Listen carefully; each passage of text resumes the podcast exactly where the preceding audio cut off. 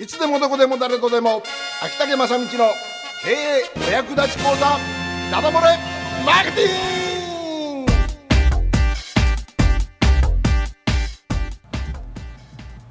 時刻の方は6時を回りました。えこの時間は経営お役立ち講座講座秋竹正道のダダ漏れマーケティングということで今、えーこのお部屋が吉岡さんがねはい、ちょっと早めに戻りましたが、えー、4人になってます。今日のお相手はバナナマンとえー、笑顔の絆実行委員長伊崎と。笑顔の絆副島智子と FTF 代表山本です。はい。この4人でお送りしております、はい。さあ秋竹正道のダダ漏れマーケティング。ということで、もう今やこれを聞かずして商売繁盛は望めないんではないかと世間では言われてるぐらいの、はい。まああるも怪しいとこはあるんですけどね。いや僕も聞いてますよ。勉強になる。はい。はい。で、えーこんま、このクールはですね、はい。えーこのシリーズは、えーコピーライティングということで、えーはい。やっております、えーコピーライティングでもう何回やったのかな。まあ回数はねともかく大体13回コースぐらいの、まあ、8回目ぐらいになると思うんですが、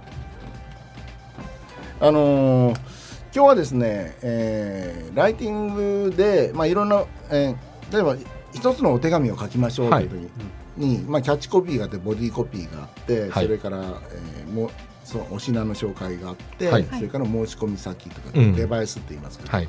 とかがあって最後追伸があったりするんですけど、はい。そのやはりお客様のこの問題解決とか、まあ、大体喜ぶ楽しみか、はい。それか、えー問題を解決痛みを取り去るか、うん。大体この2つじゃないとあんま反応しないんですね。はい。で要はそよく言うのはニーズウォンツって言われます。うん。ニーズウォンツを刺激しないと、えーなかなかお客様が買ってくれないわけです。よ。だけどそのなかなかニーズウォンツと言われても、はい。えーよくわからない。そうですね。うん。干物のニーズウォンツって何ですか？だってあんまり世の中にそんな日頃必要ないでしょ。ね？実用的に普通に使わないですねうん。あまり。もう今日食べなきゃ死んじゃうってことはありませんから、それからウォンツ、はい。食べたくて食べたくて仕方がないみたいな、もうね、人の嫁さん取ってくるぞぐらいのそのウォンツはないわけでしょ。はいはい。ね？だからあのそういう時にあの干物であってもやっぱりニーズウォンツを買ってくれ、あ感じてくれなければ、うん。えーお買い求めいただけないということでそのお手紙の中ではい。またチラシの中で、ニーズウォンツを刺激するような、えー文章を書かないといけないということなんですね。うん。うん。うん。えところがそのニーズウォンツ大変難しいんですがじゃあ、はいニーズというものをはい。読み手の方にどのようにすれば高まってくれるのか、うん。ニーズが。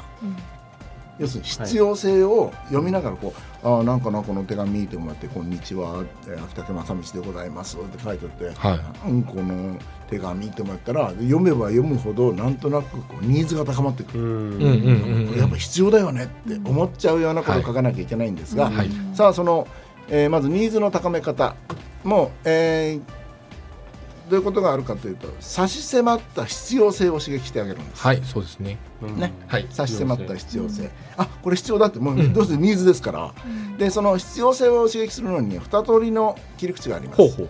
で1つは問題の焦点化、はい。問題をですねあ漠然と捉えるんじゃなくて細かくこれ大丈夫ですかって。ピンポイントに。ピンポイントに。よくありますね、テレあのラジオの放送中に、えー朝起きたら腰が痛い朝起きづらいとか、はい。ありますね。ええ。そういうことありまして、はい。要するにそこで腰がって言いますね、はい。うん。体がよりも腰が足がっていう、うん。でこれはそのそこに焦点を当ててますね、はい。えこのような形でですね。でその一方、えー問題を焦点化するとともにもう一つの方向で問題の視覚化というのが必要になります、はい。えそれが朝足が痛いってこう伸びないとかね、えーそういうふうなあ伸ばしづらいとか、えーそういうふうな、いかにもイメージすできるような形で書はい。いてあげる、でこれがですね、えーまずニーズはい。を刺激する要素になります、ああ干物の場合だったらね。そうですね。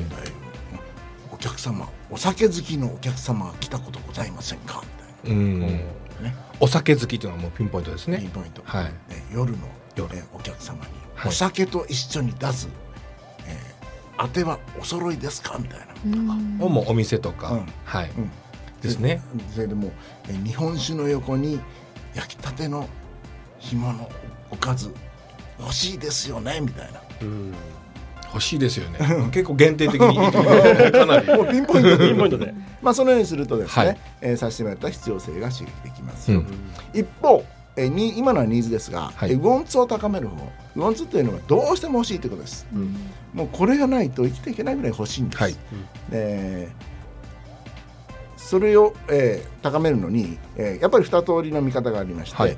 えーどえーそのウォンツが行動を起こしてもらわなきゃいけないわけです、うんうんうん。欲しいということ。で、うん。でそのいろんな文章を書いてましてじゃあその行動を起こしてもらうためにどうすればいいのか。はいで一つが、えー行動するメリットをいいことですね。メリッうん。こうすればこんなにお得ですよ、うん。みたいなやつはい。これは普通言うでしょ。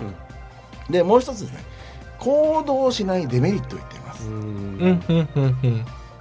反対から来るってことですあね行動しないデメリット、はい。えここを見せてあります。じゃあその行動するメリットというのはどのように言えばいいのかはいということで、えー行動するメリットを言いましたらその例えば、えーこれ本を読めばお子様の成績上がりますっていうメリットを仮に言ったとしましょう、はい。そうしましたらただあでもなんかやっぱりうさんくさいみたいな感じで行動をストップする可能性があります、はい。えーその時はまず障害不安を取り除いてあります、はい。ご心配いりません。これは、えー本当に、えーいろんなところ学術的にも、うん。えー証明されたものを出すってことで障害と不安を取り除いてうん。えみんなも買ってますよ、うん。みたいな話ですね、そして、えー買った人はですね買った瞬間から、えー後悔を始めます。はい。本当に買ってよかった、うん。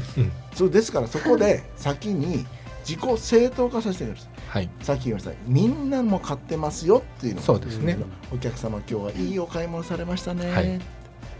そんなお言葉をかけてあげるんですね、えそうしますと、え行動するメリットがしっかりと高まっていきます、はい。さあ一方の方の行動しないデメリット。はい。もしおお子様がこれをしなければ、うん。周りのライバルたちがどんどん先を越してまいります。ってうん。いうようなことを訴えるんですね。じゃあその行動をしないデメリットもこれもですね二通りの、えー切り口がありまして一つはよくあります。限定に対する真実。味はい。限定です要は行動しないデメリット目の前にあるあなたのケーキ食べようと思ったところに人の手が。ね、今目の前にあるものをすぐに食べないと人が食べてしまいますよみたいなイメージですね。でこれは限定、はい。えー今回5本セットだけご用意いたしました。100セットだけご用意いたしました、うん。ただそういうのはよくありますのでここに真実味を与えうん。与えます、えー現在工場は大変忙しい中で、えーなかなか手が回らないではございますが、えー工場の社員向けなものを譲っていただきみたいなはいありますね。なるほはい。そんな感じで、えど。ー真実味を出してます。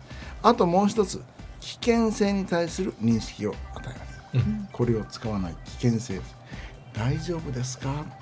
これを使わなくてっていうまあ露骨な言い方はやしいね。ねまあでももうん、あれです。ね巷でも結構あのーありますね。うん。み耳を澄ませばよく聞くでしょ。しますはい。ね。ねはい。でしかもですよ、うん。こういうふうなあるいはテレビショッピングとかラはいジオショッピングばかりがこうやって流れてるっていうことは、うんあなぜあんなに流れるかって要するに売れてるからでしょ、そうですね。ん売れてるから広告出すわけですね、はい。何度も何度も、うん。でそれが多分皆さん今のこの一通りのパターンをですねあの、まあ、一度でも聞いていらっしゃれば、うん。えーその流れを聞いラジオの流れを聞いた時にあそそそのこれこれ。通りだその通りだこれこれこれこれこれっていうのは分かると思いますので、はい。これはもう本当に鉄板の法則と言っていいようなそそうねいうものになっております。はいえーこのようにですね、えーダイレクトメールを書いたりチラシを書くときにあのどうすればニーズウォンツが、えー高められていくのか、えー差し進めあニーズを高めるには差し進めた必要性を高めましょう、えーウォンツを高めるには行動を起こすかどうかをしっかりとメリットデメリットを言いましょう。はい。